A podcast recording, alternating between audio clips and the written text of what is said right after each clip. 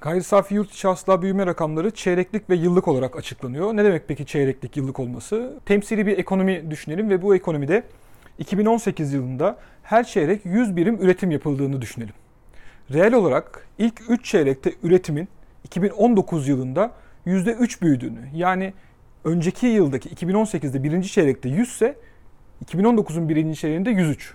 2018'in ikinci çeyreğinde 100 ise ikinci çeyreğinde 2019'un 103. Üçüncü çeyrekte de aynı şekilde. Dolayısıyla bir önceki yılın aynı çeyreğinde ne kadar üretim yaptık, bu yıl ilgili çeyrekte ne kadar üretim yaptık bunların ikisini kıyaslıyoruz. O zaman diyoruz ki çeyreklik yıldan yıla bu kadar büyümüş. Bu çeyreklik büyüme tarafı.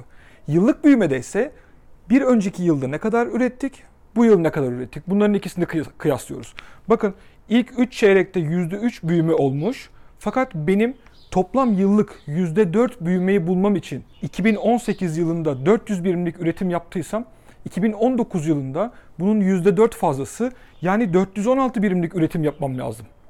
%4 büyümeyi bulmak için ilk 3 çeyrekte %3 %3 büyüdüysem yani toplamda 309 liralık mal ürettiysem 4. çeyrekte %7 büyümem yani 107 liralık mal üretmem gerekiyor ki toplam üretimim 416 lira olsun. İşte toplam üretimim 416 olduğunda da bir önceki yıldaki toplam üretimle kıyasladığımda 416 bölü 400 1,04 yani %4 büyüdüğümü buradan görebiliyorum.